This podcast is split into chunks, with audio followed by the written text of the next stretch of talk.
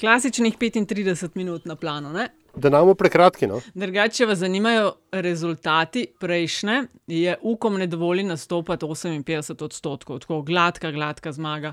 Pol pa tam drugo, tretje, kul in ulaganje nezaupnice, ki traja, pa usmerjeno izobraževanje in na koncu to Janša, poslanci in Desus. Skratka, UKOM ne dovoli nastopati, je zmagovalec, zmagovalna bizarka prejšnjega tedna. Za čuda. Ena politična kriza, glede bizark, se nam nakazuje. Ne? Interna. Tokrat. Pa tudi eksterna. A ste opazili, da smo imeli uh, referendum Ja, ja. o Hojsu in da so bili rezultati divji? 92 odstotkov ljudi zahteva, da se tokrat Hojsu naredi izjemo. Tako da o tem se bomo morali še malo To, pogovoriti. to ni bil referendum, to je bil plebiscit. Uh, ampak nič, a gremo v špico. Pred nami je častna naloga. Poverta gospoda Hojsa, v kateri je ponudil odstop, je še zaprt. Če kaj, potem je to referendum o tem, ali slovensko vojsko sploh želimo imeti ali ne. Neke vrste zmenek rušiteljev temeljnih vrednot Evropske unije. Kar sem odšel iz politike, vse na robe. Več afer, kot bodo sproducirali, bolj bom grizla in sekala lovke. Osebno sem se danes testiral, čakam na rezultate zaradi preventivnih razlogov, da eh, ne bo potem kakšnih dilem. Mi nismo ničesar plačali, tako da zagotovo ne gre za goljofijo. Pa si vi sploh želite čim prejšnjega konca te epidemije? Te razprave ne bom nadaljeval, ker eh, nisem neumen. To je LDGD, podcast, ki nikogar ne podcenjuje in ničesar ne jemlje preveč resno. V imenu svojih najbližjih in v božjem imenu vas pozivam na lov. Uživajte, dokler lahko. Hvala lepa. V prejšnji epizodi smo se aljaš nekaj pogovarjali o tem, da bi mogoče bilo za zamenjati kacina, ne? uživajte dokler lahko, ampak eh, glas ljudstva že pravi, da ne, da je tako ena od monumentalnih izjav zadnjega leta, da naj ostane. Ja, Ne vem, jaz tej tvoji uh, raziskavi nič ne verjamem, mislim, da bomo rabili še eno glasovanje. A, Tako da, da dajem predlog ne, uh, pod točko razno, da Metina lista naredi anketo ali kacina ohrani v špici LDGD ali ne. Odličen predlog. Eh, LDGD začetek je podcast, ki nikogar ne podcenjuje in ničesar ne jemlje preveč resno, še posebej ne politike. Aljaža Pengova Bitenca ste že slišali, Radio Chaos, predtem pa Antiša Korjan, tudi primorske novice, Andraž Zorko Valikon in Nataša Briški. Metina lista smo z vami in eh, se vam zahvaljujemo za. Um, predloge, uh, ki nam jih pošiljate, za glasovanja in za podporo našim vsebinam. Vse preberemo pod ključnikom LDGD. Uh, lahko tudi pustite kakšno sporočilo, in uh, ful, hvala za ocene pri uh, ponudnikih uh, podkastov. Tokrat pa ljaš v novi epizodi zajetna, zajetnih 35 bo tokrat, vsaj glede na dogajanje v zadnjih tednih. In sicer je plan, da obdelamo uh, uloženo konstruktivno nezaupnico. Pol je tudi predlagani že, nov. tudi že, že izpadlo. Ne? Ja, tudi že izpadlo, pa predlagan je nov zdravstveni minister, tudi že deloma potrjen. Obeta se reorganizacija vlade, tako se vsaj govori, pa imamo tri interpelacije in odgovarjamo na vprašanje. Mm, Bralca Jrneja, ki je spraševal, če bi lahko mogoče malo pojasnili glede volilnega sistema v Sloveniji. Ne? In ker smo rekli, da v tej epizodi bi želimo tudi malo debatirati o tem, kdaj bodo volitve, ne? ker prosto po Andražu se je predvolilna kampanja že začela, ne? uh, bo to zelo na mestu. In se že vnaprej se zahvaljujemo tudi za sodelovanje profesorici Alenki Krašovec. Tvoja šička, ne, uh, Aljaš? Ja, um, skupaj z sedanjo ministrico za izobraževanje, znanost in šport sta imeli vaje pri uh, predmetih analize politike in javna uprava, pa še po tretjem, pa četrtem letniku. Skratka, uh, Alenka je uh, super in um, je pravi naslov za. uh, To, na kar bomo danes uh, odgovarjali. Uh, samo še eno stvar, preden zares začnemo. Nataša, vsakič, ko narediš ta intro ne, in ko rečeš, da vse prebereš brez razlike, uh, hoče vedno na- nadaljevati, da tudi vejnice in pike. Ne. Mm. Kot maček Murija, veš. Ampak evo, lej, blast from the past. Ja, kje smo, uh, kje začnemo? Vse je povezano, vse je povezano, eno z drugim, nezaupnica, notri, uh, zdravstveni minister, notranji minister, ali bo uh, ostal ali ne, reorganizacija vlade, kdo bo še letel ven, kdo bo prišel noter in kdaj bomo šli na volitev povedati, ali grejo ven, ali kdo drug pride noter in kaj je zdaj sploh z vsem. Evo. To, ja. Uh, torej, dajmo začeti z nezaupnico, no? pa bomo ostalo kasneje. Se pravi, vložena je bila z desetimi podpisi, v ponedeljek je bila debata, na koncu so dobili 40 glasov. Kakšna je vajna reakcija na um, debato v parlamentu in to, kar se je zgodilo? Kaj bi, kako bi to razložila recimo nekomu, ki se je v tistem času sprehajal okoli recimo Bohinjskega jezera? No, Andraš, izvoli. Ko Antiša vedno ti začneš, zdaj si me čist presenetil. Ja, ne, zato, ker me Nataša me zmeri ta prvega tako uh, porušila. res? Ja, mislim, ne, ne vedno, ampak pogosto. Ja, no, če si mi pa že dal na prvo mesto. Uh, kaj si rekla okrog Bohinjskega jezera? Recimo, nekdo se sprehaja okoli, tega vsega ni slišal, ni poslušal ali poslušala. Kako si ti to, kaj bi to razložil? Kako si ti to videl? Kakšna je tvoja reakcija? Ni bilo ravno tako kot malo više od Bohinjskega jezera, ne? Se pravi, ni, ni bil boj, ni bilo mesarsko klanjanje. Se, se ni bilo tam, ampak tam se je potem končalo. Um, uh, mene je presenetilo to, da, da ni bilo v resnici kakšnega hujšega, uh, hujšega spopada, ali pa sem že tako navaden na to, kar smo poslušali, ker je bila nekakšna klasika. Zdaj, ta in, infantilizem, ki je udaril slovensko politiko, se zelo očitno nadaljuje s prikazovanjem slikanic, pri čemer so uh, v SDS-u predvsem bolj spretni. Nataša, ti si tudi v naši interni komunikaciji pametno pripomnila, da obvladajo televizijo kot medij. a ne. Uh, če ste opazili, SDS ima vedno A3 format. Uh, zdaj je Mötrendorfer odgovarjal svojo slikanico, ki je bila na A4 formatu in se ni dobro videlo, kaj tam gor piše. Vidi se, kdo obvlada ta medij. ne.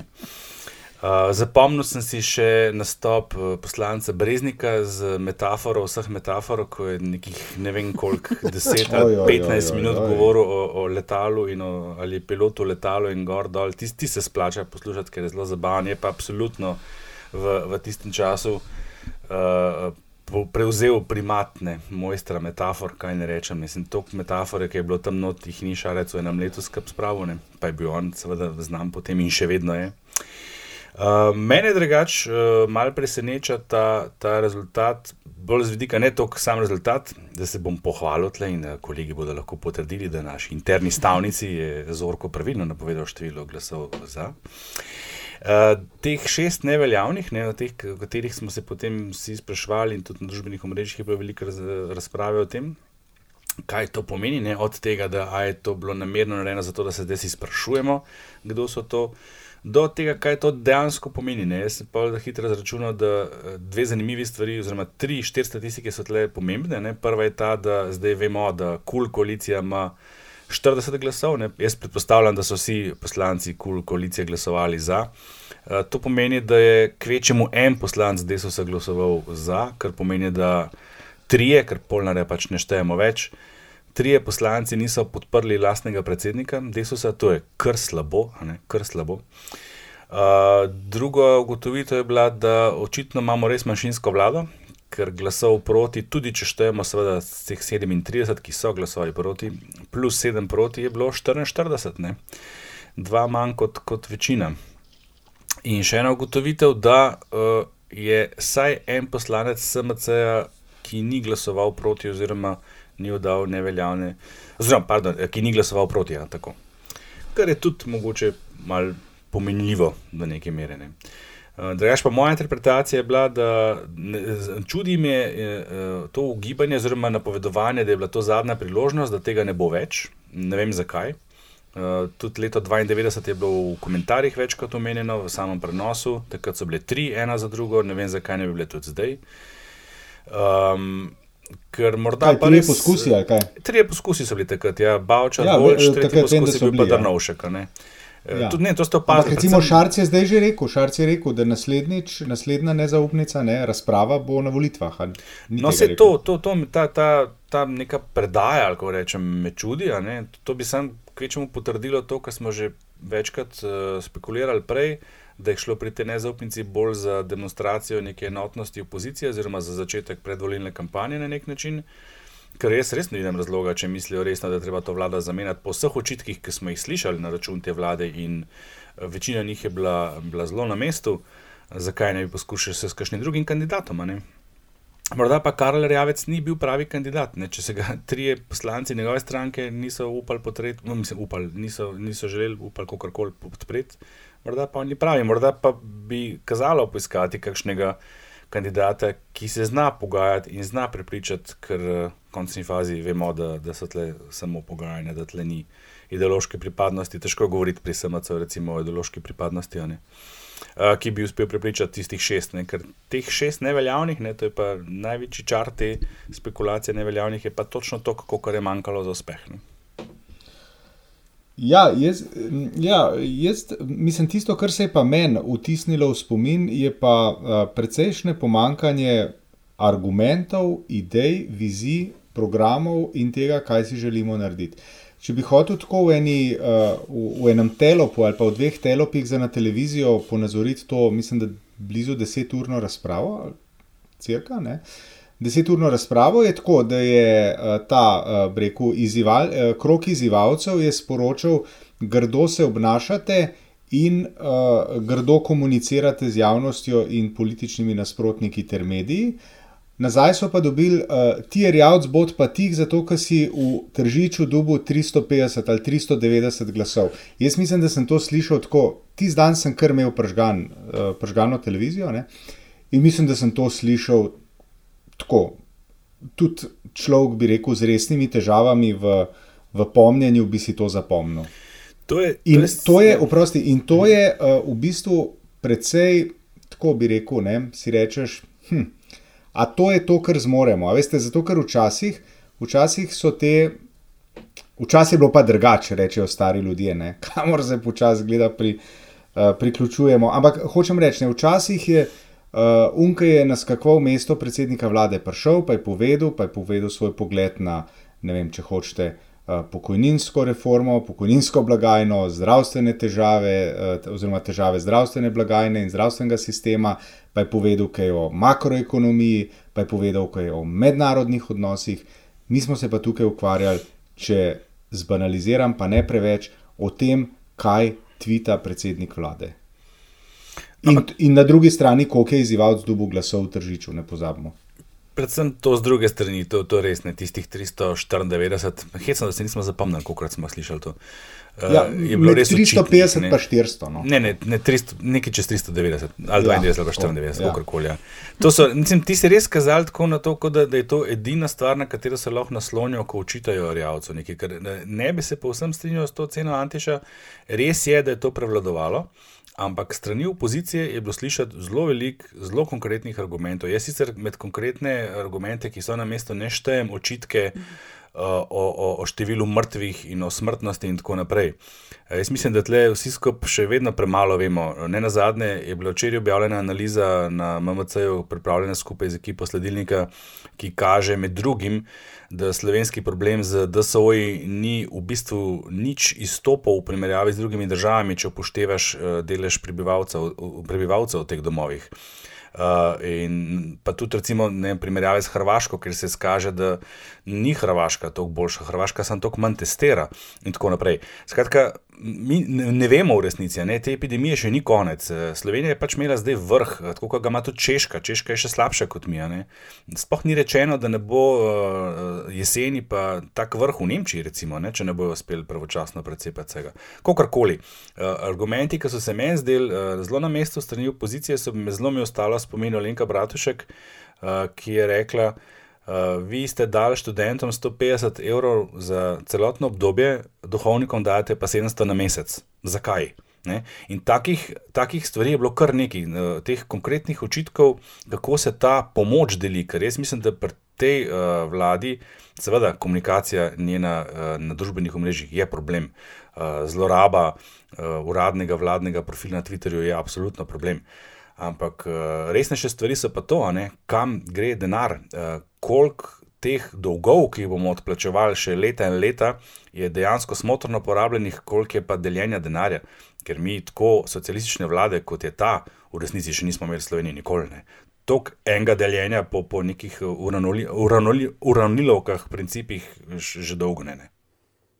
Ma, ali pa če je bilo vsaj po uravnilovkah, ker gre, ne, in to je bil pač en od glavnih uh, očitkov, gre tistemu, ki je v času sprejemanja zadevnega PKP-ja, pri katerem smo zdaj že osem, ki je bil pač najglasnejši, ne, ali pa zadnji, ki je govoril z mini, zadevnim ministrom. O tem smo tudi že velikokrat govorili. Ena stvar vendarle, veš, uh, kar se tiče očitkov o smrtnosti v DSO-jih in tako dalje, tisto, kar se mi zdi, da je bil glavni očitek opozicije, večkrat je bil, da poleti niso naredili nič, oziroma odločno premalo za to, kar se je dom, utemeljeno domnevalo, da prihaja. Se strinjam, da Slovenija ni edina, ne? ampak zaradi tega očitek o, o, o lenobi ne? in ignoriranju problema skozi poletje ni nič manj, ni, nič manj upravičen. In to je, to, to, to, je, to je tudi glavni razlog.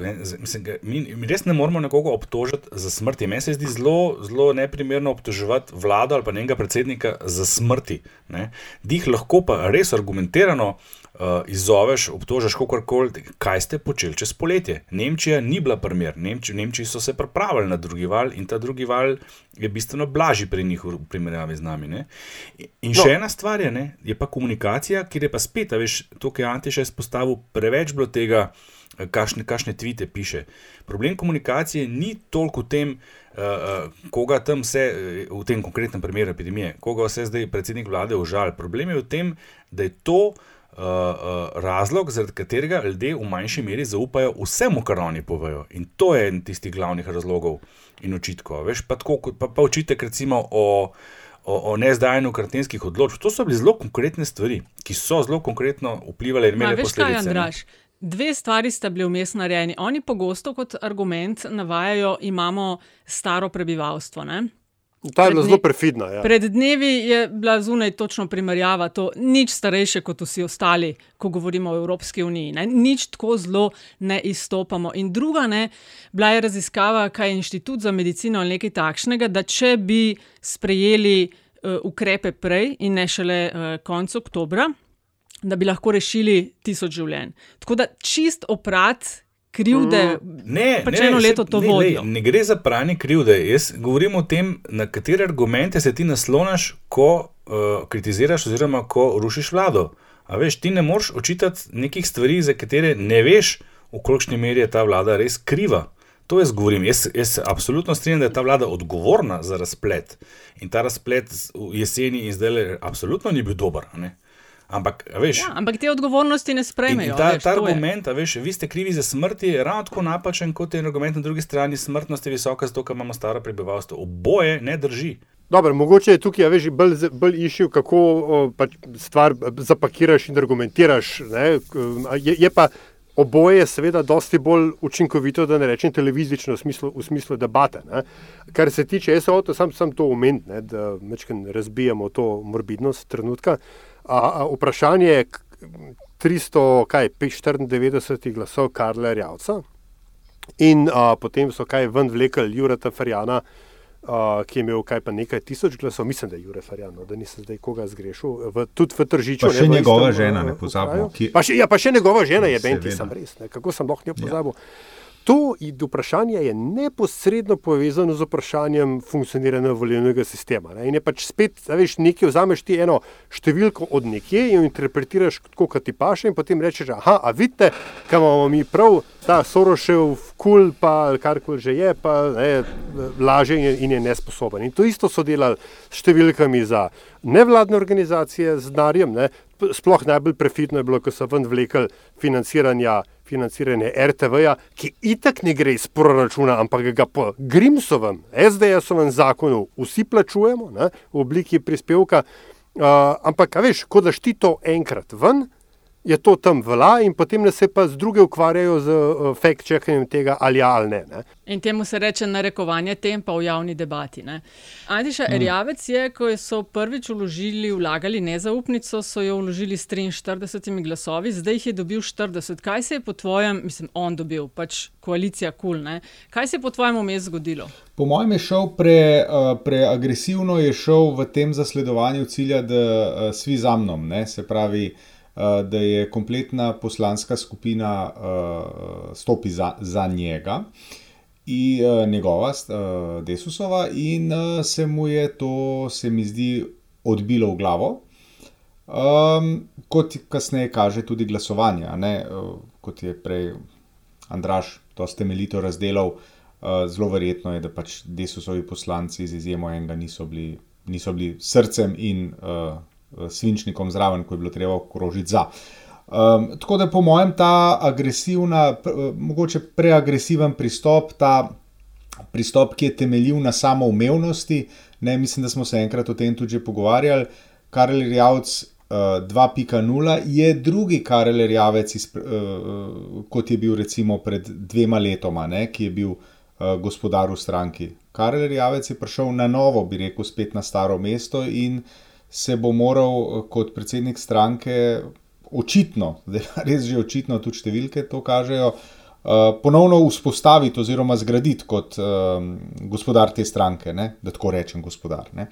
Tako da, po mojem, ta samoumevnostno agresivni pristop, uh, mi gremo iz koalicije, mi bomo uh, rušili to vlado na glasovanju, uh, se mu je odbil glavo. Ali se je še komu zdel, da je relativno gledano? Uh, novi Karl Rjavec, ne, kot ga je uh, lepo poimenoval Antiša, dosti bolj seriozen politik, kot je bil stari Karl Rjavec. Ali se je samo nivo debate tako zelo spustil, da so pač uh, rjavčeve fore, ob katerih smo pred vem, desetimi leti vsi zavijali z očmi, zdaj postala visoka politika in je ne, vse ostalo. Jaz bi, jaz bi tako rekel, ne, da na, na pogrebu se ne spodobi vice govoriti. In tega se je Karl Rjav zdržal tistega dne v Evropi. Skratka, pogrešal si aljaš, da ni afnegoncev. Ne, ma, ma nisem pogrešal. Dejansko se ne znam odločiti, ali je bil Karl Rjavc vedno tak, kot smo ga videli v ponedeljek, pa je nivo razprave. Tako zelo padlo, da se zdaj Rjavc zdi pač seriozen, umirjen in, in, in izkušen politik ali je res spremenil pristop? No, ne, što so dejansko ni bilo.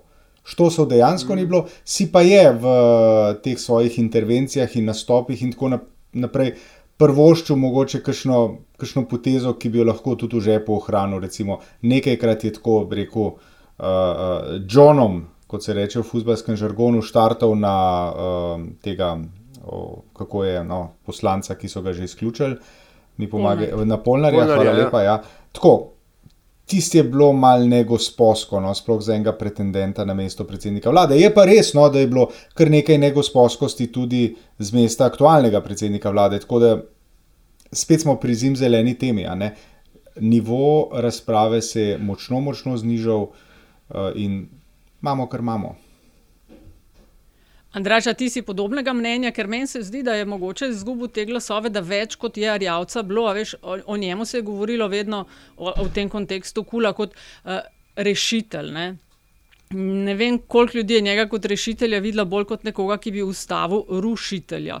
Ampak dlje kot je bil v prvem planu, bolje je bilo tisto, do, do včeraj, tako rekoč, smo govorili, da je škodljivc v politiki. Ne. Zdaj ga pa dajmo ga videti kot resnega, resno alternativo in da je to mogoče prevagali. Andraš, kaj ti misliš? Videli so ga očitno kot način, kako pripeljati eh, štiri, vsaj če ne pet, ampak štiri ja, glasove k kul cool koaliciji. Eh, mene preseneča to, da glede na to, da so ga v Desusu izvolili za predsednika in tam se, kot smo videli v zadnjem obdobju, stvari ne zgodijo mimo poslanske skupine, da ga niso podprli. To je res, to je res uh, presenetljivo. Ker eh, s tem je na nek način je bila to dana klofuta, kulu, češ, uh, da ste nam mandatarja, mi ga pa ne bomo podprli, haha, ne, ali kaj, ne vem. Ne. Ker, jasno, tudi njihovi štiri glasovi bi bili premali ne, oziroma tri, kar je ne glasoval za. Ne. Ampak ne, pazi, ne, zdaj, druga stvar je pa, da so že naslednji dan uh, dali jasen signal vladi, da, da bodo sodelovali na nek način, kot je Levica sodelovala s Šarcem. Vse imamo tle, mi lahko uresničimo program, del, točke našega programa v sodelovanju s to vlado so objavljene. Kar se pa samega Rjavka tiče, pa jaz mislim, da je on začutil, da je trenutek, da on kot začetnik to vrstne retorike v slovenski politiki, v trenutku, ko so jo vsi začeli množično uporabljati, se od tega distancirane. V bistvu je trendsetter, hočeš reči. Ne? Ja, to sem že nekajkrat ponovil. Ne. On pa je Linčič. Ne. Linčič je bil ta prvi, sem Linčič je bil tudi tako, on je bil vulgaren, ne. on je bil res. Uh, Ta, ta alt-desni populist, če, gledamo skozi današnjo prizmo. Rjavc je bil pa ta mal, mal bolj, mal bolj prefinjen, ne? Ampak še en gostiniški. Ne? Pa je prišel pa Šarec, ki mu je vzel vso pozornost. Ne? Janša pa, oziroma SDS, pa na družbenih omrežjih uporablja isto, v bistvu. Ne? Sem tam se pa tudi, niso pa vulgarni, so pa nesramni. Ne? Kaj pa mislite o novem? Pozivu Janša vsem strankam k sodelovanju. Mislim, da je to že, mislim, da je neparkrat rekel, zdaj pa znova ne gradimo na zamerah, dovolj je prostora za vse, da se prepoznamo in se lahko prepoznamo v barvah Slovenije. Mene malo spominja na tisti zapis, če ste ga zasledili, eh, pipa na dnevniku v kontekstu teh eh, spolnih nadlegovanj. Uh, ja, ja, Lepo bi bilo, če ja. bi bila prijatelja. Ne? Ta, ja, ja tisti, ki je rekel, ja, ja. veš, ona pija prijavi, mislim, ja. spolno nadlegovanje, on pa lepo bi bilo, če bi se pogovorila, pobotala in bila prijatelja. Tako nekako se mi ja. dozdevajo ti pozivi Janše. Uh, hkrati mlatenje, pa, pa dajmo se zdaj pa mogoče se. Ja, to je, je, jaz bi rekel, da je to iz nabora tistih manevrov, uh, ki ga pač narediš, zato da lahko rečeš, da si ga naredil. To je zdaj spravljeno nekje v enem predalu ja, je, in vsakič, ko bo kdo rekel, Eh, to, pa to, pa to, bo rekel, lejte. Tega in tega februarja sem poslal to, pa ja, ja. to, odziv je bil pa takšen in takšen. Jaz mislim, da je to pismo, poslal sem poziv, mi smo ja. skozi sodelovanje, mi nismo razdiralni. Tako, tako. Ja. Vse to vsi delajo. Ne? Če pa kdo nasede, pa toliko bolje. Ja. Ja. Recimo, ker, ker tisto, kar je meni pri teh zgodbah, vendarle ni jasno, je, da v parlamentu, ne, pa zdaj v tem sklicu, tem hipu ni več nikogar, ki ne bi šel čez to salamoreznico, ne, kot jo je nekoč poimenoval Marko Štraus, uh, in, in zaradi, tega, zaradi tega ne bi trpel. Desusu, če nič drugega, je razpadla poslanska skupina in zdaj, ne glede na to, na kateri strani so, ne, ali sodelovanje ali pa ne sodelovanje, je očitno, da uh, uh, je pač veš, to, to točka preloma. Ne. In, in uh, ni ga več, ki bi bil nedolžen in naiven, uh, lahko si samo še neumen na, te, na, tej točki v času, se mi zdi. No. Ali, pa, ali pa neskončno preračunljiv. No. Desu se zdaj res v nehvaležni poziciji. Ne. Ma predsednika, povratnika, ki je neslavno propadel na glasovanju o nezaupnici, ima poslansko skupino, kjer je en prestopil na desno, en je ostal zvest, za tri se pa ne ve čistočno, kje so. Uh, baza je verjetno nič bolj srečna, kot je bila predmenjava in, in še predmenjava s Pivčevo, tako da jaz te stranki ne vidim, mislim, ne pripisujem veliko možnosti za preživetje v resnici. Na tole je bil, po mojem. A se res, kje pa so na anketah, kje so, so, so pod uh, pragom? Ja, ja uh, mislim, od menjave naprej se je mečkam popravila, mečkam so šli gor, ampak ne, ne na nivo. Uh, Iz prejšnjih časov, pa ne govorim za tistih 10 odstotkov, ampak tistih 5-6, ki so imeli ne, nekako zanesljivih tega zdaj ni več, ne? njihova borba bo kruta. Ne? Mimo grede, 20. februarja, ne, to je lih en dan po objavi tega podcasta, bodo štirje meseci od uh, uvedbe policijske ure. Štiri mesece imamo prepovedano, po 9 uri zvečer, pa do 5 ali 6 zjutraj. Do 6 zjutraj. Ja. A se je komu, ima kdo občutek, ok, kul cool je, recimo, da v ponedeljek zgubo, da bo vse en uh, premijer ni čist sproščen, no, da je vse en mal nervozen, kaj in kako bo šlo. Jaz imam še celo dodatno občutek, da uh, ker gredo stvari vse na boljš, trendi so pozitivni z virusom, vse ne. Če smo imeli v novembru, pa decembru za en dodaten avtobus ljudi mrtvih, je zdaj, smo zdaj tam med 5 in 15 dnevno. Ne se mi zdi, da, da je nervozen tudi zaradi tega, ker počasi se bodo stvari začele odpirati, pa ne vem, če je zelo komfortabel s tem, kako se že to sliši. On je lahko nervozen tudi zaradi tega, ker ne ve, kaj bo čez 14 dni. Ker to, da ta vlada ni znala predvidevati, ne glede na to, da so imeli ogromno podatkov in ljudi, s katerimi bi to lahko počeli, tega niso počeli. Uh, jaz bi bil malo rezerviran pri tej oceni. Ja, če tako gledaš, res deluje tako, da, da se stvari umirjajo, ampak se vemo, ne, število mrtvih je indikator tega, kaj je bilo tri tedne nazaj. Tako da jaz mislim, da je on nervozen lahko tudi zaradi tega, ne samo zato, če, če pač niso bili res dogovorjeni s kom, kje je tistih šest neveljavnih, a, a se bo pojavil kdo, ki jim bo dal ponudbo, ki je ne bojo mogli zavrniti. Ampak tudi to, kaj se bo zgodilo marca, ker si pa predstavljali, predvsem tem nezadovoljstvu, ki je v zraku, ki se ga čuti, ki se ga vidi tudi v vseh teh indikatorjih, ki jih spremljamo v novi normalnosti, se pravi zaupanje v vlado, osebno počutje, to, to se ne spremenja. Veš, mi kot populacija že ocenjujemo, da gre stvari na bolje, ker gre pač številke na bolje. Ampak te indikatorje osebnega počutja so pa tam, kar so bili novembra, tle ni velikih razlik. In ne glede na to, se zdaj stvari odpirajo, uh, so no, rane. Pa bo lahko ljudje veš, na cesto spali. Prihaja pomlad, prihaja no, to je ena, vreme. To je, ena, tako, to tako. je en strah. Ne? In kaj se, da, pa... se mu zgodi še en vrh zdaj, veš, in da bo mogli spet zapirati, ker drugega itak ne znajo. Vse to je. Ja. Malo mhm. lahko resen problem. Ne? Ne, mi, uh, tukaj, on... glede policijske ure, je mogoče trenutek za zgodovinsko uh, prvo strinjanje, verjetno s policijskim ministrom.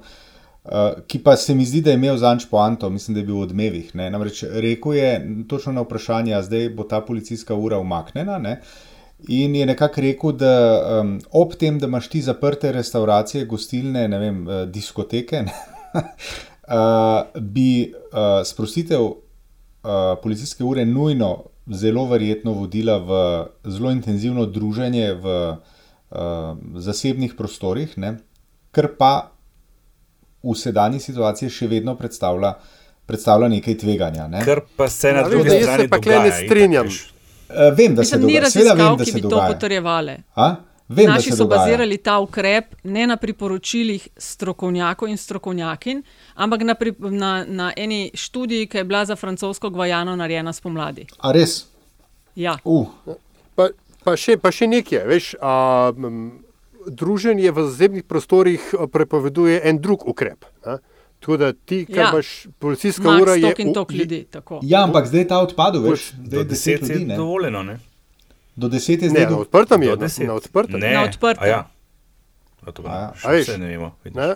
Mislim, ampak, gled, ampak no, to je pa spet pri tem istem problemu, kaj za vraga ta hip sploh hvala. Kot smo videli uh. v uh, torek, kaj je to, torek, ne, sredo zvečer na odmevih, ne, A veš, si predstavljaš ta šok gostincev, ki so naenkrat ugotovili, da zdaj, ja. da pod določenimi pogoji, pa v bistvu lahko delajo vse, vključno s prodajo alkohola. In hrane. Ampak, ne, in hrane in hrane, ampak jim je nekdo, no, in, in, in oblast pa reče: Ja, kaj pa niste spremljali novinarske ja. konference, smo vse povedali. Pa koga, veš, koga ima ta, ta oblast? Za norca. Tako da, ja, tako, veš, in, in, in zato ne, se bo uh, to vprašanje policijske ure in, in uh, uh, smiselnosti ukrepov. Uh, je tako, občutek je, da je to pa pač malo na zalogo. Ne, da, pa policijski lahko... minister bi imel. Ne, ne pa se nismo edini zdravstveni, ki ima policijsko uro. Ne, teh... ne, ne se, seveda ne. Sej, spet smo pri vprašanju, ali je uh, to, kar mi delamo, kar Slovenija dela, uh, unikatno, ni, ne, ampak ali je smiselno tudi ni, ne, ker ta grup think. Vse smo že v, tudi v naši, našem podkastu to omenjali. Tle ni tekstbuka, ne, tle ni, tle ni guidov, ne, ben ne ve, kaj, kaj, kaj je dobro, pa kaj ni. Eni delajo to, eni drugače. No, ampak saj moraš bazirati na nekih podatkih, mislim, ne, v redu policijsko ja, uro za to, pa za to. Lajčno bi pa rekel, le, mislim, traja že štiri mesece, uh, v, tistih, v tistem obdobju, ko so jo sprejeli, se ni nič spremenil. Ne, v bistvu ni, mm. očitno ni vplivalo, zdaj verjetno ni to razlog, da se zmanjšuje, so drugi razlogi, zdaj že je res toliko prekuženih, da je verjetnost okužbe res manjša, ko srečaš nekoga. Ne. Z, a to res deluje, kot ja. prepoved prehajanja občinskih mej, se s tem je bilo isto. Ja, no, no, vse. Demo še kakšno besedo, dve no, o rekonstrukciji vlade. Eni signali se slišijo iz eh, desnega medijskega ekosistema, hojs vprašanje, kaj in kako potem imamo napade v narekovaju NSI-ja, ki hoče več za to, kar imajo, ne? se pravi število poslancev. Eh, Kozlovič je pod vprašanjem, se bere, eh, da SMC stiskajo za vrat, tri interpelacije imamo. Se vam zdi rekonstrukcija? Rekonstrukcija vlade nekaj, kar čemu bomo v naslednjih tednih pričali? Ja, lahko, lahko bi bilo, ne? mislim, indicev, indice si naštela, ki bi lahko vodili v to, kar pa nujno ne pomeni, da se bo to zgodilo. Um, Janša, kot vemo, je uh, se izmojstril v presenetljivih potezah. Zadnja od teh je bila pre, pre, uh, predlog za zdravstvenega ministra, ki mu v resnici malo kdo lahko kaj res resnega očita. Uh, uh, tako da kaj bo povlekel predsednik vlade, to, to ne moramo vedeti. Ne. Mene tisto, kar me je omenila si ministrico Kozlovičevo, ne, tisto, kar me, mm -hmm. kar me skrbi, so tista poročila z vlade na Brdu, kjer so ji pravi glavo, zakaj? Zaradi tega, ker je dovolila, da neki mimo nje pride na, na imenovanje. To se mi zdi še kar, se pravi, govorimo o tužilcih. Uh, to se mi zdi še kar zaskrbljujoče, no, da, se, da si tako rekel, zdaj pa že skoraj čisto odprtem jemljemo, jemljemo ta privilegij, da uh, kadrujemo. Ja, da, ja, oziroma ja. da kadrujemo in izražamo uh, mnenje o posameznih kadrovskih rešitvah, v odvisnosti od tega, kako nam osebno ta stvar diši ali pa nam ne diši. To se mi zdi ne, še kar slabo. To je, to je zdaj pluralizma in status, če prav razumem. Ta jemljemo. Ja, no, seveda ne. Še kaj je dobro vprašanje, po čem smo si pa zapomnili to ministrico v tem letu? Ja, po zelo trdovratni po intervjuju v ja, Dnevniku, kjer je rekla, to. da se pogosto zgodi, da na dopisnih večernih sejah, da se nimajo časa niti pripraviti in če nisi zraven ali ne rečeš eksplicitno ne, ne pa težko rečeš, če ne veš, zakaj gre, se vse šteje kot jaz. Skratka, da jih nategujejo tudi kot. No, ampak tukaj, tukaj je ta zgodba o, o seji vlade imela potem še uh, nadaljevanje ne, in to je bilo pa. Eh, naslednji dan je ministrica dala izjavo, ampak uh, vemo, kako je dala izjavo. Postavila se je pred kamero ali pred telefon in je posnela izjavo, na katero seveda ni bilo možno dati uh, dodatnih vprašanj, kar se mi zdi pa ponovno indic tega, da reko, uh, pogum je na določenih političnih mestih v vladi zelo redka dobrina. Um, kdo je videl šolsko ministrico? Tvojo učiteljico Aljaš, ne, ki je usajala polit, politologa vate. Um, kdo, jo videl, kdo jo je videl v, v tem tednu, ko so šli otroci v šolo? A je kdo videl? Kje? Se je raje omaknil na spet. Ne. Ja. Ne, ampak pazi, ali me razumete? Pravosodna ministrica ima resor, uh, ki ni bil direktno povezan z reševanjem epidemije oziroma posledica. Ne. Ona je dejansko imela eno leto časa se lotiti stvari, uh, ki so v pravosodju narobe. In teh ni malo, to vemo. Ne? Mislim, jaz sem zdaj le en zelo svež primer, nisem mogel govoriti, da je res.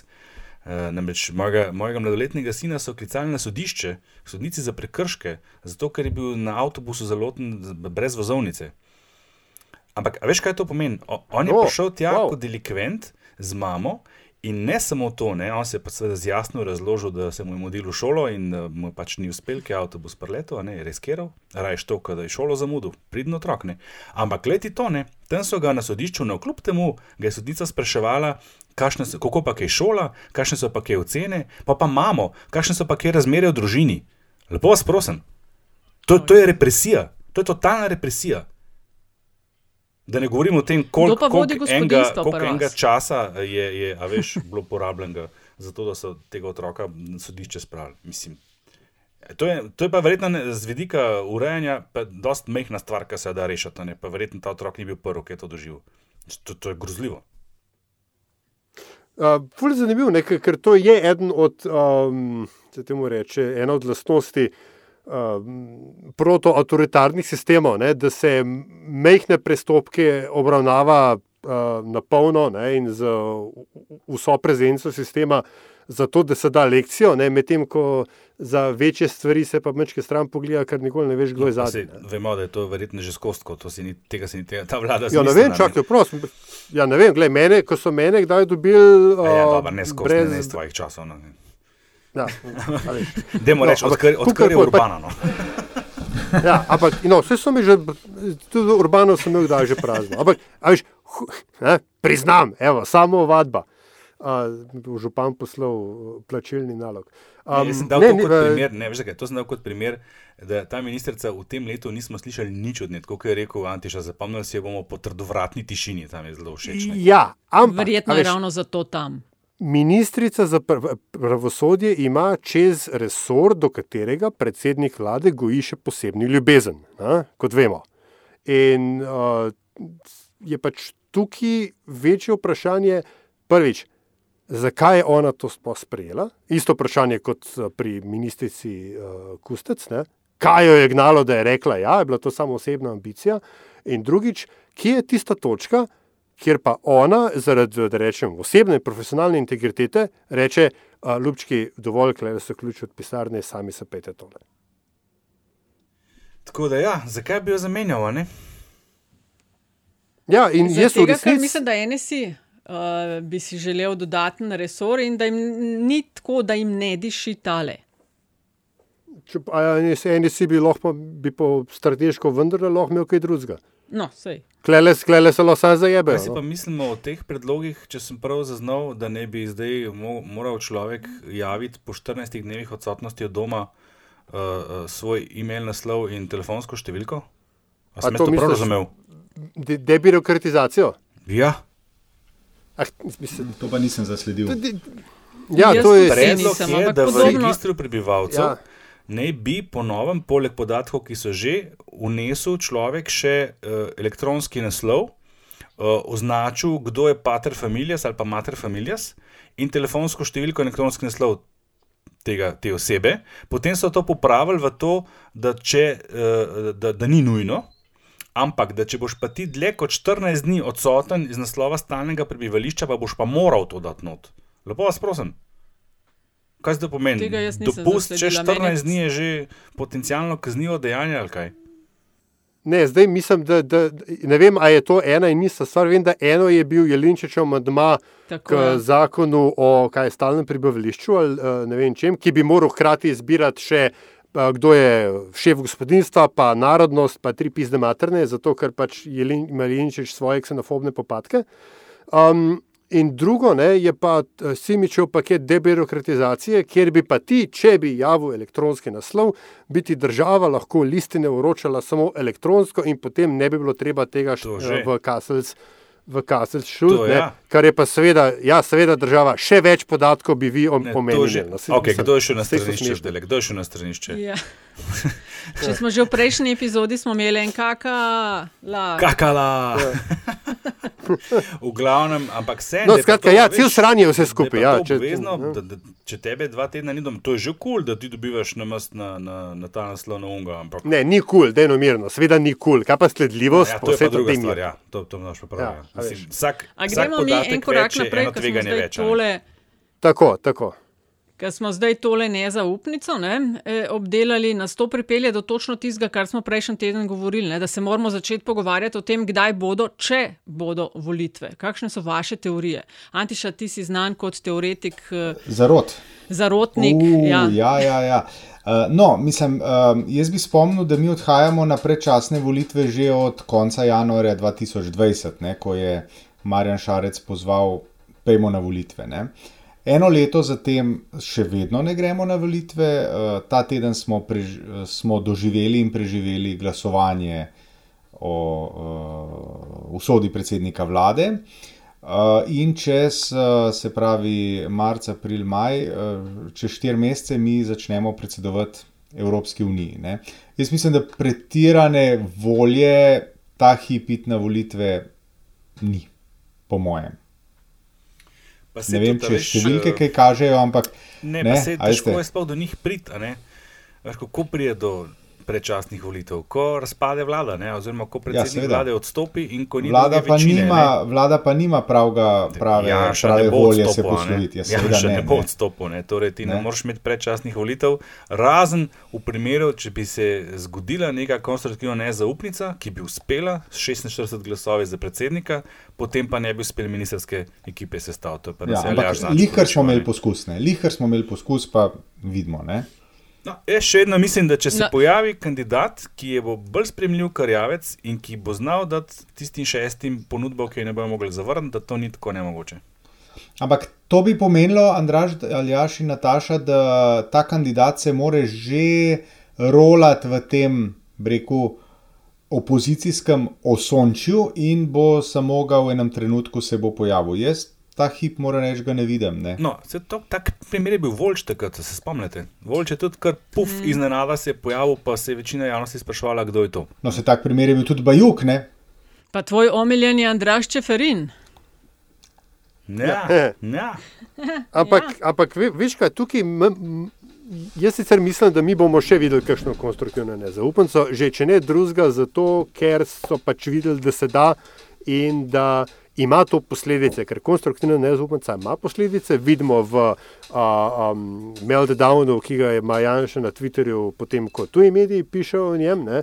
vidimo o tem, da se govori o konstruktivni nezaupnici. To vse vnaša nestabilnost v sistem ni nujno, da bo pomagal, ampak na neki točki se morda oblikuje kritična masa nestabilnosti. Tako da jaz nezaupance še pričakujem. Bolj tisto, kar se mi zdi pa bolj verjetno, je, da če pridemo do predčasnih volitev, bomo prišli zato, ker se bo vladi neki zaštrikal. Stvari, kot so potrebovanje zdravstvenega ministra, rekonstrukcija vlade, veš, to vse so glasovanja, ki imajo verjeten, ampak ne popolnoma gotov izid. In če se tam gre nekaj narobe, ja, kurc, veš, ker še tretje vlade, pa mislim, da bomo zelo težko dobili, če, če, če vlada sam pade, se pravi, če, če ni alternative a, a, v, na, na stranskem modelu. Ja. In, in tukaj, ne, reči, tukaj jaz vidim to možnost. Ne. Je pa res, da bi ta hip stavil na to, da bo Janez Janša ostal zadnji premijer, ki bo mandat pripeljal do konca. To bi naredil ta hip. Ampak če to vsi stavili tako.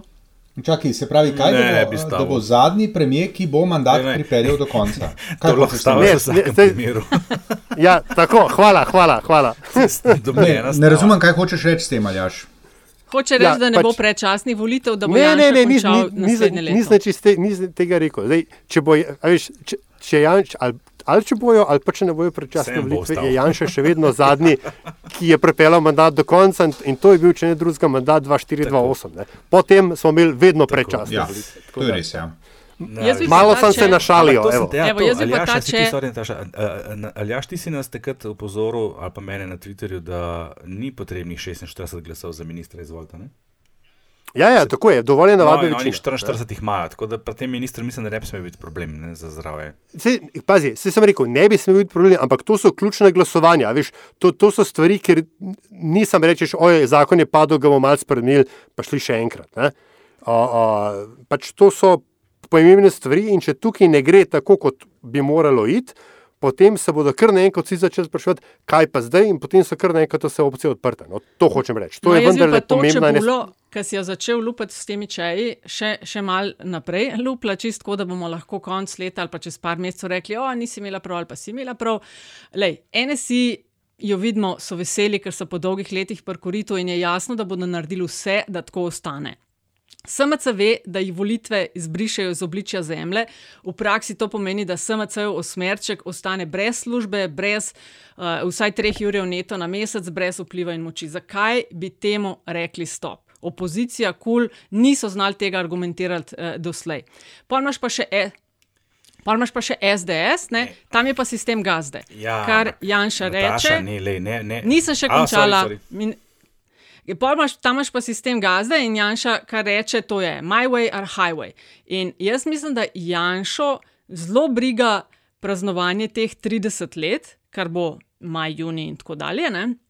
Predsedovanje svetu EU, ki pa bo letos drugačno in za nas prvič, eh, je pa v drugem planu. Ne? In da bo naredil vse, da zdržijo do junija, do tega ognjemeta, posta pa dva meseca počitnic, ker se zna malo mogoče rukati, malo bojo vsi čakali in tako dalje. In preden se bi kakšni postopki spletli, zaradi katerega koli razloga že, bi lahko imeli jeseni tam, oktober, november, kaj. Dodatno mogoče zakaj letos kaj? Zaradi tega, ker sta drugo leto še dvoje volitev, predsedniške in lokalne, pa da malo mogoče prerasporedijo moči. Evo, ena teorijica. Meni je, veš, kaj bi jaz bi kle bolj te zunanje nepredvidljive faktorje a, a, imel v mislih. Ker če bo Janša hotel sprožiti predčasne volitve letos, se mu zna zgoditi, da bo samo rekel: čakaj, mi bi pa še tale let do konca odpeljali. A veš, to Lej, je samo zdaj. iz- Tisto, kar, kar, kar jaz skrbim vidim, kot recimo nekaj, kar se lahko zgodi, če smo že pri čejih. Ne? Ti, recimo, zelo dobro splaniraš eno rekonstrukcijo vlade, malo boš zamenjal resorje, gore dole, glasovanje imamo, že veš, seja je sklicana, pok, pol imamo pa izbruh uh, okužbe v eni od koalicijskih poslanskih skupin. In pod kaj bomo pa pol naredili? A veš, pa pa ne bo, pa bo pa kar naenkrat vsi, joj, ne, demo zdaj oddelaš glasovati, pa klinac, a veš. Ho, hočem reči, take, take stvari, ne, No, ki so. malo moramo Taša, različno Jaz mislim, razmišljati. da tiste, veš, kaj si rekla, jaz mislim, da tisto pre- pretirano banaliziranje, da gre pri poslancih SMC za 8 poslanskih stroškov oziroma poslanskih plač. Uh, jaz mislim, da tle nek drug vzgib v zadnje. Ti, ti ne moreš s tem, mislim, se v končni fazi, če bi oni pristopili, se ne bi izgubili teh poslanskih plač, oni bi ravno tako mandat speljali do konca. Mhm. A veš, to ni faktor, ne? Uh, ohranili bi tudi to moč teh uh, osmih poslancev, ne? No, eden od faktorjev. Faktori so od zadja, ne so pa bolj ti centri, bolj interesni centri, a ne, kje se kaj dodeli komu. Uh, pa tudi, se veš, mislim, za, za šest poslancev, kot jih rabiš, ni tako težko najti kakih služb ne, za, za unaprej. Če si, to pa podarjam, če si mandatar, ki je dovolj spreten, da lahko to uredi. Ker namreč, ful kaj se dogaja na drugi strani? ne? Kaj, a, a, a druga stran dela kaj drugega v končni fazi. Mhm, Ne? mhm. Mislim, vemo, kaj je počeval še kdo bo. To, kar je hotel že v prejšnji vladi, pa je dobil zdaj. Vemo, da Janša zna deliti. Janša zna deliti ne samo denarja, kot ga deli ta vlada, ampak tudi kaj drugega. In, in pri tem je zelo spreten. Ne. On ve, točno ve, komu more kaj dati, da bo imel pred njim mir. In ne na zadnje, kronski dokaz za to je pa kaj, mislim, ljubljanski župan Jankovič, ne. Pa, pa, pa eksplozija uh, gradbeništva Mhm. mm. v Sloveniji. Za razliko cele Evrope se v Sloveniji na polno gradi, sred naj, najhujše epidemije v zadnjih stoletjih. No, eh, ne vem, kaj se v Evropi tiče, v Luksemburgu se tudi ful gradi. Tako da, ob- ampak očitno mehne, mehne države so ta model našli. To si že včeraj lepo izpostavil, da je Luksemburg zelo specifična država. Ja, res je. Ja. Zdaj pa mogoče tisti tist moment v tej oddaji, ki že govorimo o tem, kdaj volitve. In tako pred eh, časom smo dobili vprašanje Jrneja in sicer je sprašval, če bi lahko pojasnili v eni od epizod volilni sistem v Sloveniji, na kratko glavne značilnosti, podobnosti in razlike med proporcionalnim in večinskim sistemom, pa mal eh, zgodovine sprememb. In eh, Za Ljašem sva poklicala dežurno politologinjo, profesorico ne, uh, Alenko Krašovec, da nam to razloži. Ne. Tako da dajmo poslušati, se pravi, glavne značilnosti, razlike in podobnosti med tema dvema sistemoma.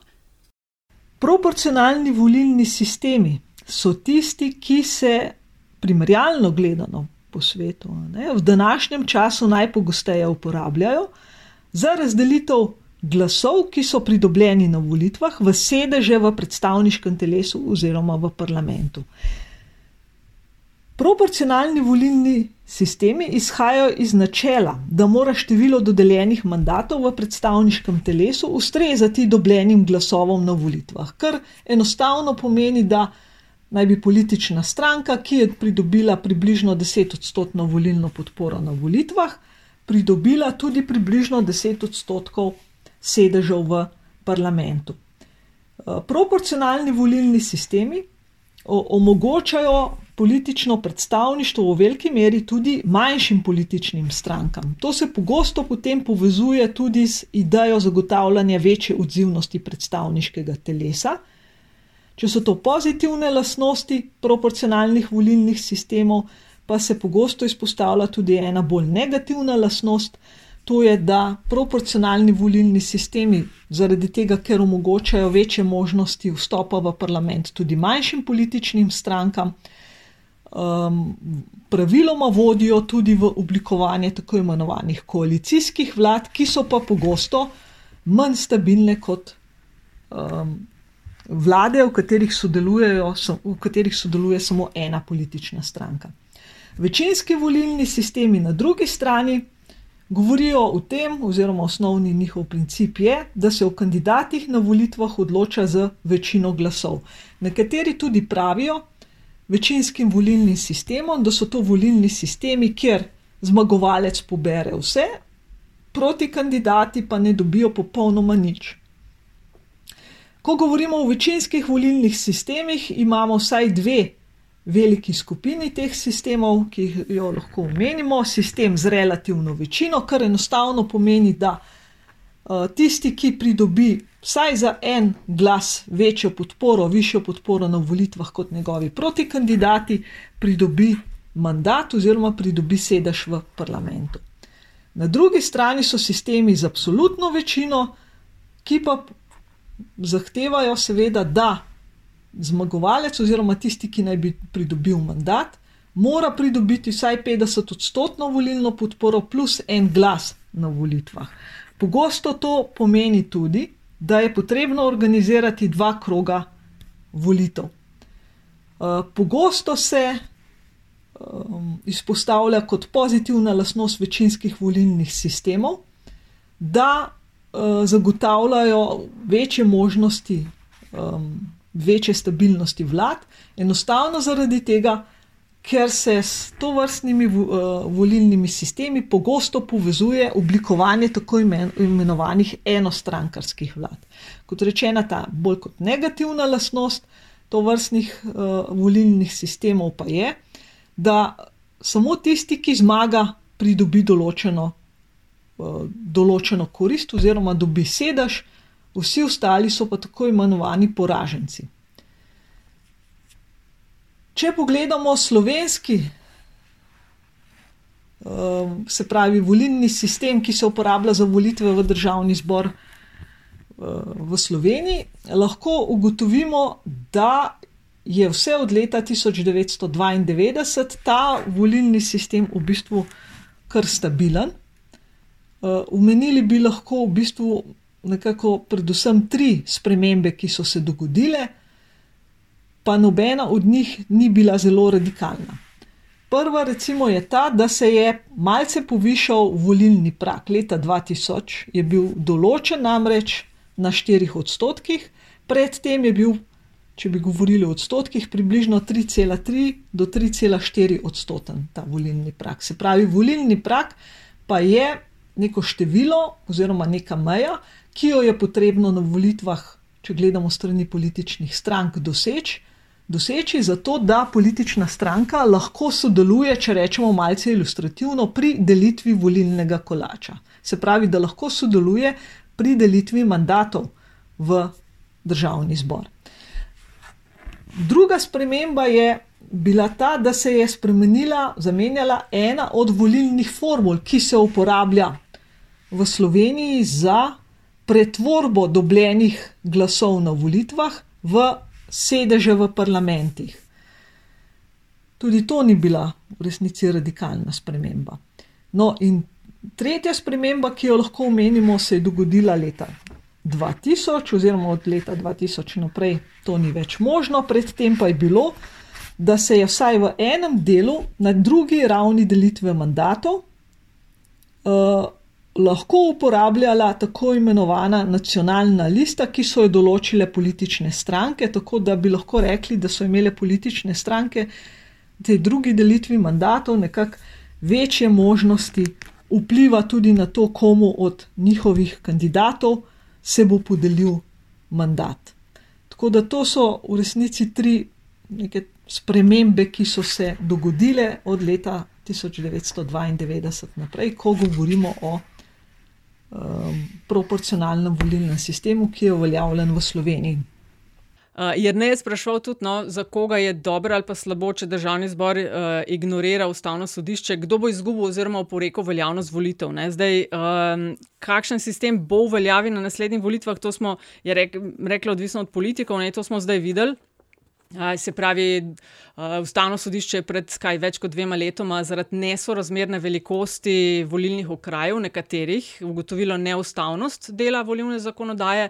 V državnem zboru ali sta propadla dva poskusa, ne ukinitve okrajev in uvedbe prednostnega glasu. Se mi zdi, da so dvakrat probali. Ja. Ja. Niso dobili potrebne dvotretinske večine, no, decembra lani je pa skupina poslancev, sem SDS, SMC pa Desus so v državni zbor vložili predlog za spremembe meja volilnih okrajev in to je pa pred dnevi šlo čez, zato je bila potrebna navadna večina. Tako da to je tisto, kar bomo imeli na naslednjih. Ne. Še vedno pa, kaj pa, če se ne bo upoštevalo odločitve ustavnega sodišča. Ne. tudi to, kar je sprejeto doslej, oziroma zdaj, uh, se ustavni pravniki do določene mere razhajajo pri tem. Ne? Ja, seveda, ne, praša, tukaj je vprašanje uh, po eni strani legalnosti volitev in na drugi strani legitimnosti volitev. In uh, kla, pač po klasični metodi, ne, ko imaš tri pravnike, imaš pet mnen, in uh, verjetno bi stvar tako ali drugače, še, še, še huje, verjetno bo stvar tako ali drugače končala na ustavnem sodišču, že zdaj s to spremembo najbrž, ne, najkasneje pa verjetno po, po volitvah. Uh, Aljaš, zakaj misliš, ker eh, jaz sem tako razumel, da, morajo, da, da je problem v tem neproporcionalnem, oziroma neproporcionalnih velikostih. Ne? To so spremenili, zakaj bi šli zdaj na stavno sodišče s tem? Mislim, problem tukaj, vprašanje tukaj, če se prav spomnim, je bilo uh, neposredni vpliv voljivcev na izbiro. Ne? Ustava, pač malo historijata, leta 2000 je se je na hitro naredila neka ad hoc ustavna večina, da so razrešili ustavno krizo, ki jo je, gledaj, gledaj, sprožila uh, takratna Bojukova vlada. Glede volivnega sistema, in so v ustavo zapisali, da imajo voljivci odločujoč vpliv na izbiro poslancev. In zdaj vprašanje, pri katerem je bilo ustavno sodišče pred dvema letoma, je, ali v sedanjem sistemu voljivci ta vpliv imajo. Ja, to pomeni, da so bile vse in, volitve zadnjih 30 let od takrat naprej v bistvu nelegitimne. Ne, od, uh, od spremembe ustave, od leta ja, 2000. No, ne, če, če, če že, če že. Ne, ampak tako delaš nazaj, se ne gre. Gre se pač od točke, ko je sodišče o tem uh, razpravljalo. Ne. Predtem ne, ne velja ta, ta, ta razsodba. A veš, zakaj Ska... draž? Tega, ker so te spremembe meja, niso, ki so jih zdaj sprejeli, niso dovolj velike, ker še vedno so eni volilni okraji, mislim, da za dva in polkrat večji od drugih. Oni so pa iskali, da bi približno enaki bili vsi. Ampak vprašanje tukaj seveda je, ne, ker, ker, so bili, ker, so bil, ker je zakonodajalec odločil, da bo to vprašanje naslovil z, samo za spremembo volilnih okrajev, je seveda logično in pričak, se pričakuje, da se bo šlo spet vprašati ustavno sodišče, ali je to to, ali imajo ja. po teh spremembah voljivci zdaj odločujoč vpliv na izvolitev. Um, tako da, kle, kle, veš, kle je ta razlika. Ne? Spremembe so dejansko bolj ali manj kozmetične in uh, gotovo se bo najdel nekdo, ki z izidom ne bo zadovoljen. Se... Ta hip sem pripravljen en sik. Anti še se odloča za gunca, zadnji slišim. Ne, Nataša, tukaj je Nataša rekla.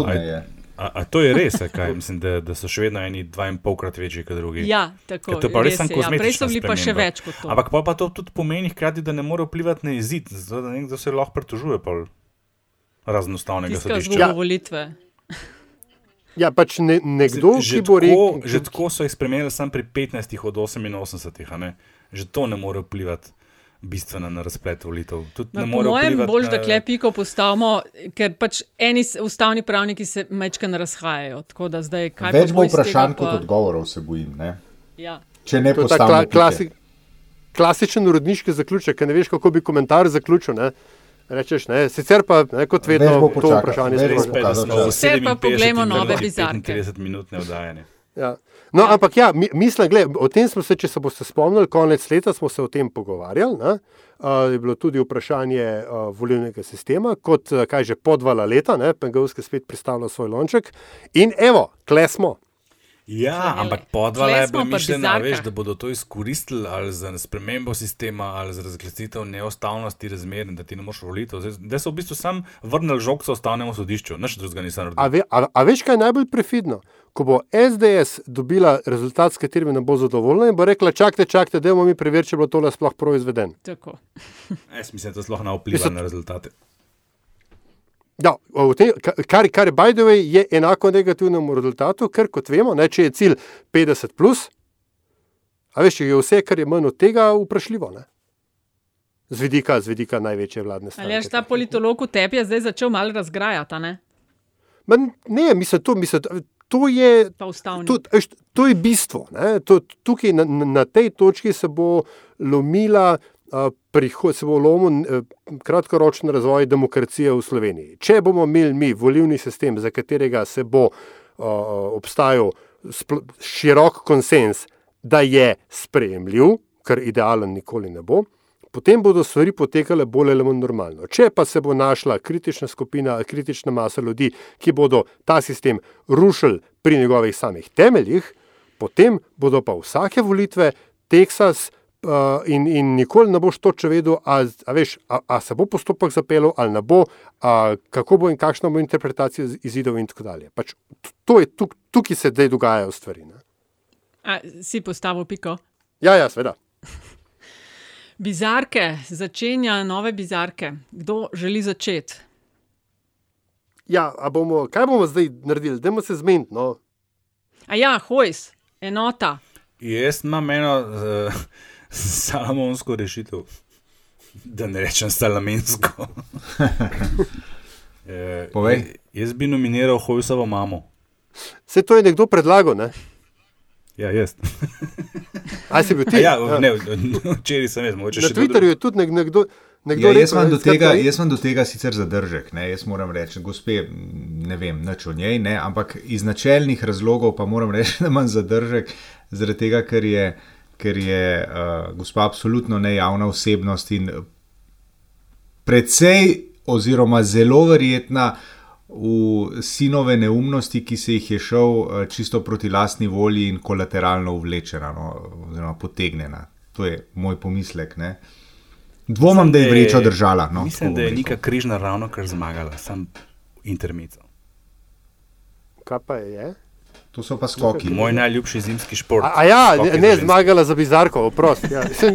jaz sem tudi gruntala ena novinarka in nika. Imamo to zdaj z bizarko. Pa zgleda, da sam jaz ja, spremljam, ampak mi je ful dobro. Tako, tak, tak. Čak, dej, ja. Andraš, najprej povej, kaj hočeš. Ja, ne, le, se strinjam, Antiša, jaz sem bil tudi, maj, to je bilo malo zahecno, um, ampak uh, Antiša se strinjam s tabo, absolutno. To, to, to ne bi bilo lepo, da gospe, ona ni nič kriva. Ona ja, je kriva za sinove neumnosti. Ja, no, ja, ona ga je sam rodila. Tako, pa, Ja. Pa še, pa še, pa še civilijan, no, tako da te, tega, tega, tega res ne moremo. Ja. A, ne, okay, najprej idemo najti to točko strinjanja. Ne, a se strinjamo, da se bizarke zdaj ocenjuje, z, da je hojs merska enota za bizarko?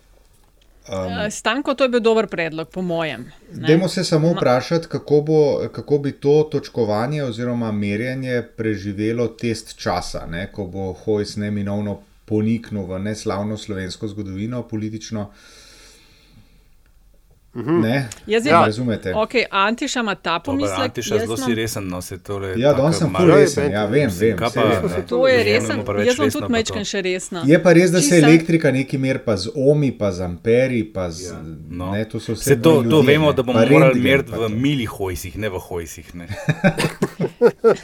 Ve, jaz sem pa sam en pomislek, se mi sicer zdi fajn ideja, ampak sam to imam, če ne bomo mal to, kar, to, kar on počne, to že tudi malo presega bizarke ali pa to, kar počne Janša. Zato smo jih doživljensko uh, prepovedali. Ne? Ker tle je noter že tudi malo neke žlehnobe, planskega in podobno, da bi mal, uh, a veš, delali hecke iz nečesa, kar je brutalno narobe in za nič. Recimo včerajšnji spopad Janeza z vsem. Ivana Janeza z vsemi. A veš, kaj bi rekli, ne vem, ja. po 500 hojsov. Ja, ta, ta, ta je šel kar čez enega hojsa, sigurno. Ja, ja, ja to, to, to se strinja. No, edin to je moj pomislek. Tako da, fajn bi, da imamo mersko enoto, ne, sam. Ma, viš kaj, jaz, jaz bi predlagal tako, kot hojs, kot začasna merska enota za bizarko, e, pa vidimo, evo. kako se prime.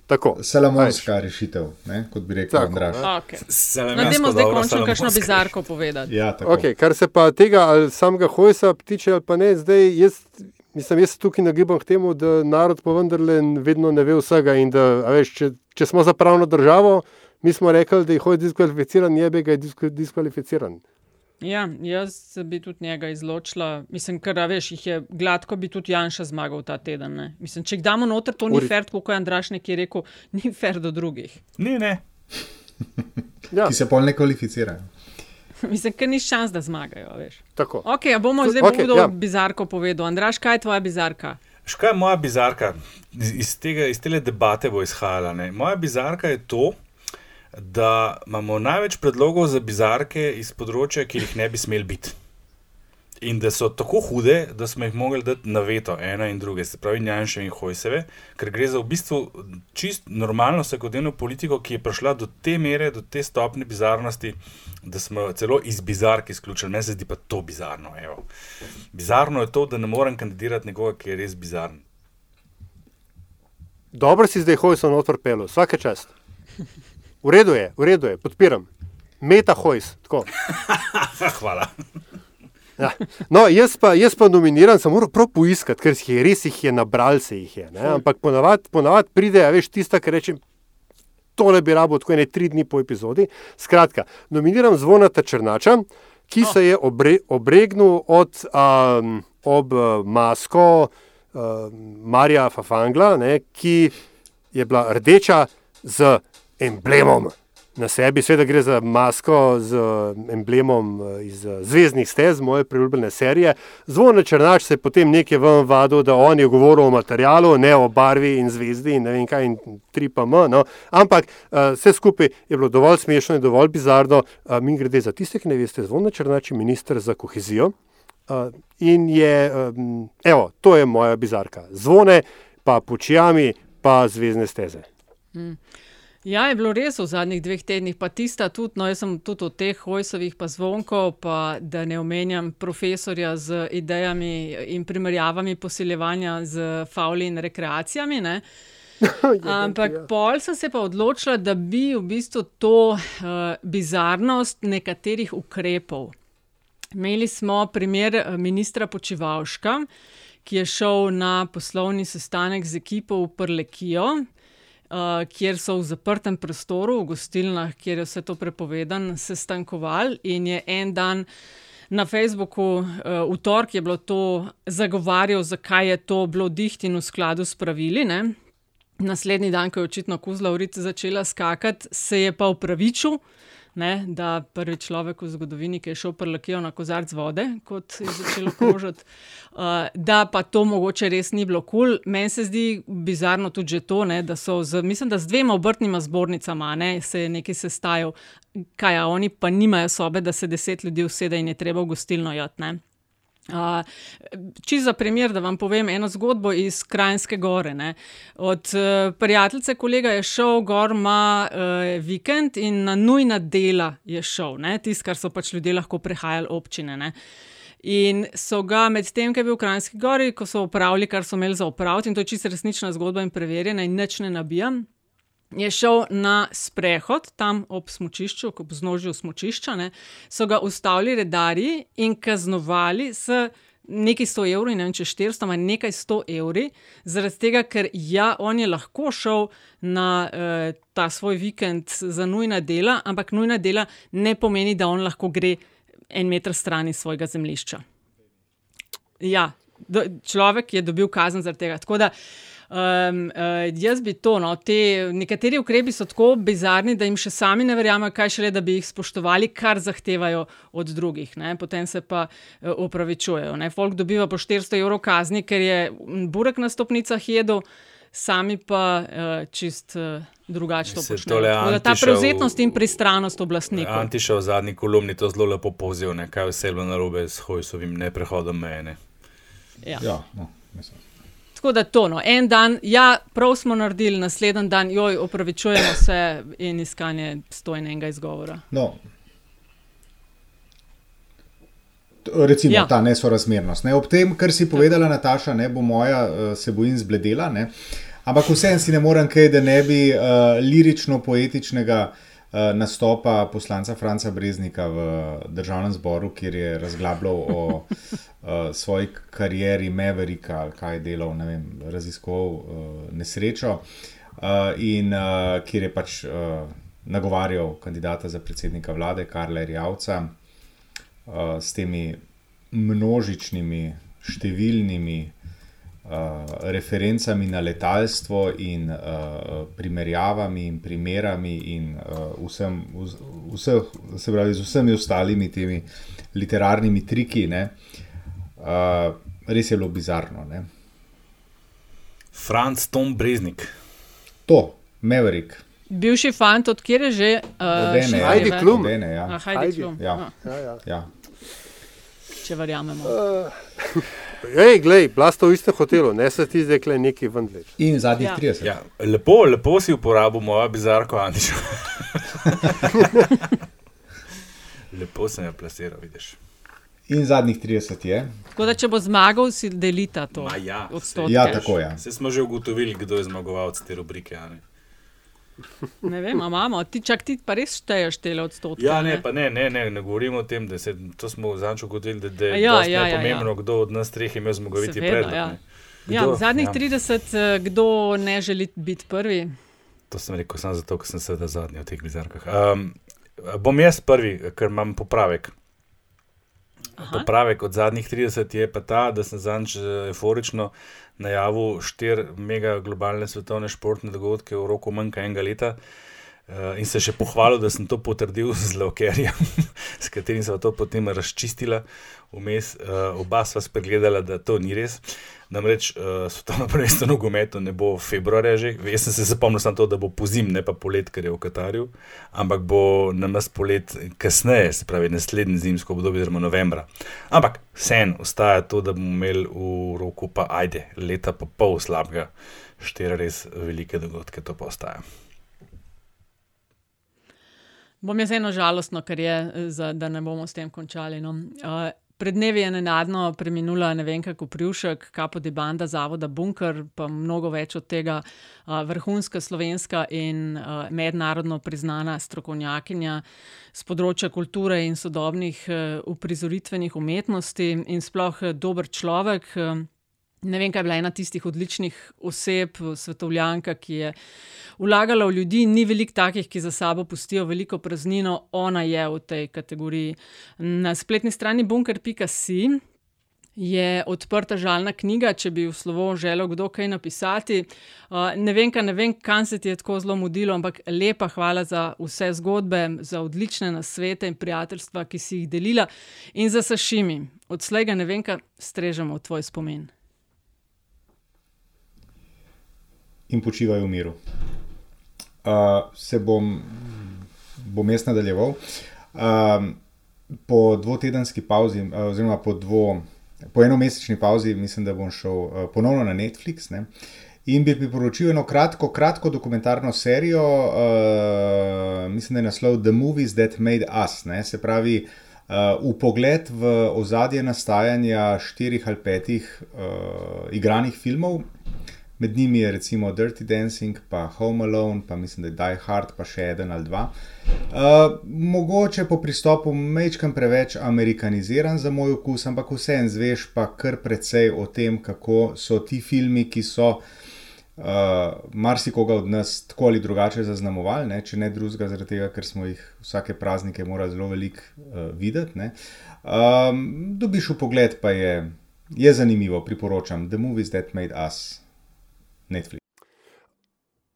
No, mojih zadnjih 30 uh, bo pa posvečenih uh, inšpektorju Martinu Vrenku, uh, ki se mi po zdaj kaj petih delih te serije zdi neskončno boljši kot višji kriminalistični inšpektor Taras Birsa.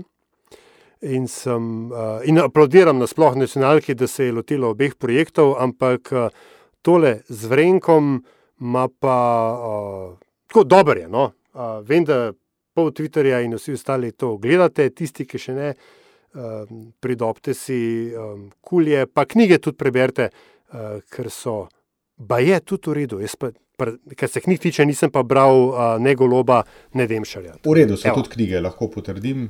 Bral od obeh in je v redu. Ti, aljaš, krasno je, da sem dubu. Če že gledaš s uh, Vrenkoma, tu pa tam, sploh pa na koncu, modre misli, kaj pa če bi dal njega špico. Ja, si pa ne upam, veš. Ja.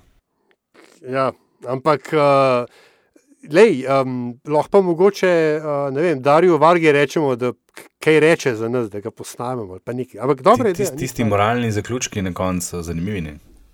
Mislim, to, to rab, vse, tako je dobro, veš, kot klasična kriminalna serijalka, vse je, vse je tam, veš približno, kaj se bo zgodilo, kakšen je dramaturški lok, na koncu imaš ja, ta, to debato, ta epilog. Ne, Moralko. No, tako ja, kot, je, kot so epizode dolge, da da 35 minut, tako so tudi naše. Ja. Uh, zadnjih 30 dolge, epidemija. 30 sekund. Smo dolgi, kot epidemija. Dolge, dolge, kot vreng, no, malo starejši, vlečemo se, kot vreng. In ful, hvala. Ja, pa nika križna res zmagala. Res lepa hvala za deljenje epizode. Če vprašanja na info, Ampak kdo še kaj se povedati? afna.si, drugače pa smo Ne, tudi več. na Twitterju, afna Andrazus, afna Antisakoljan, afna Pengovski in afna DC43. Človek ne more nič Do povedati, ker naslednjič. Nataša to govori skozi. Da je Anti še, ti kaj reči. No? Nasvidenje. Adijo. Pa zdravi ostanite.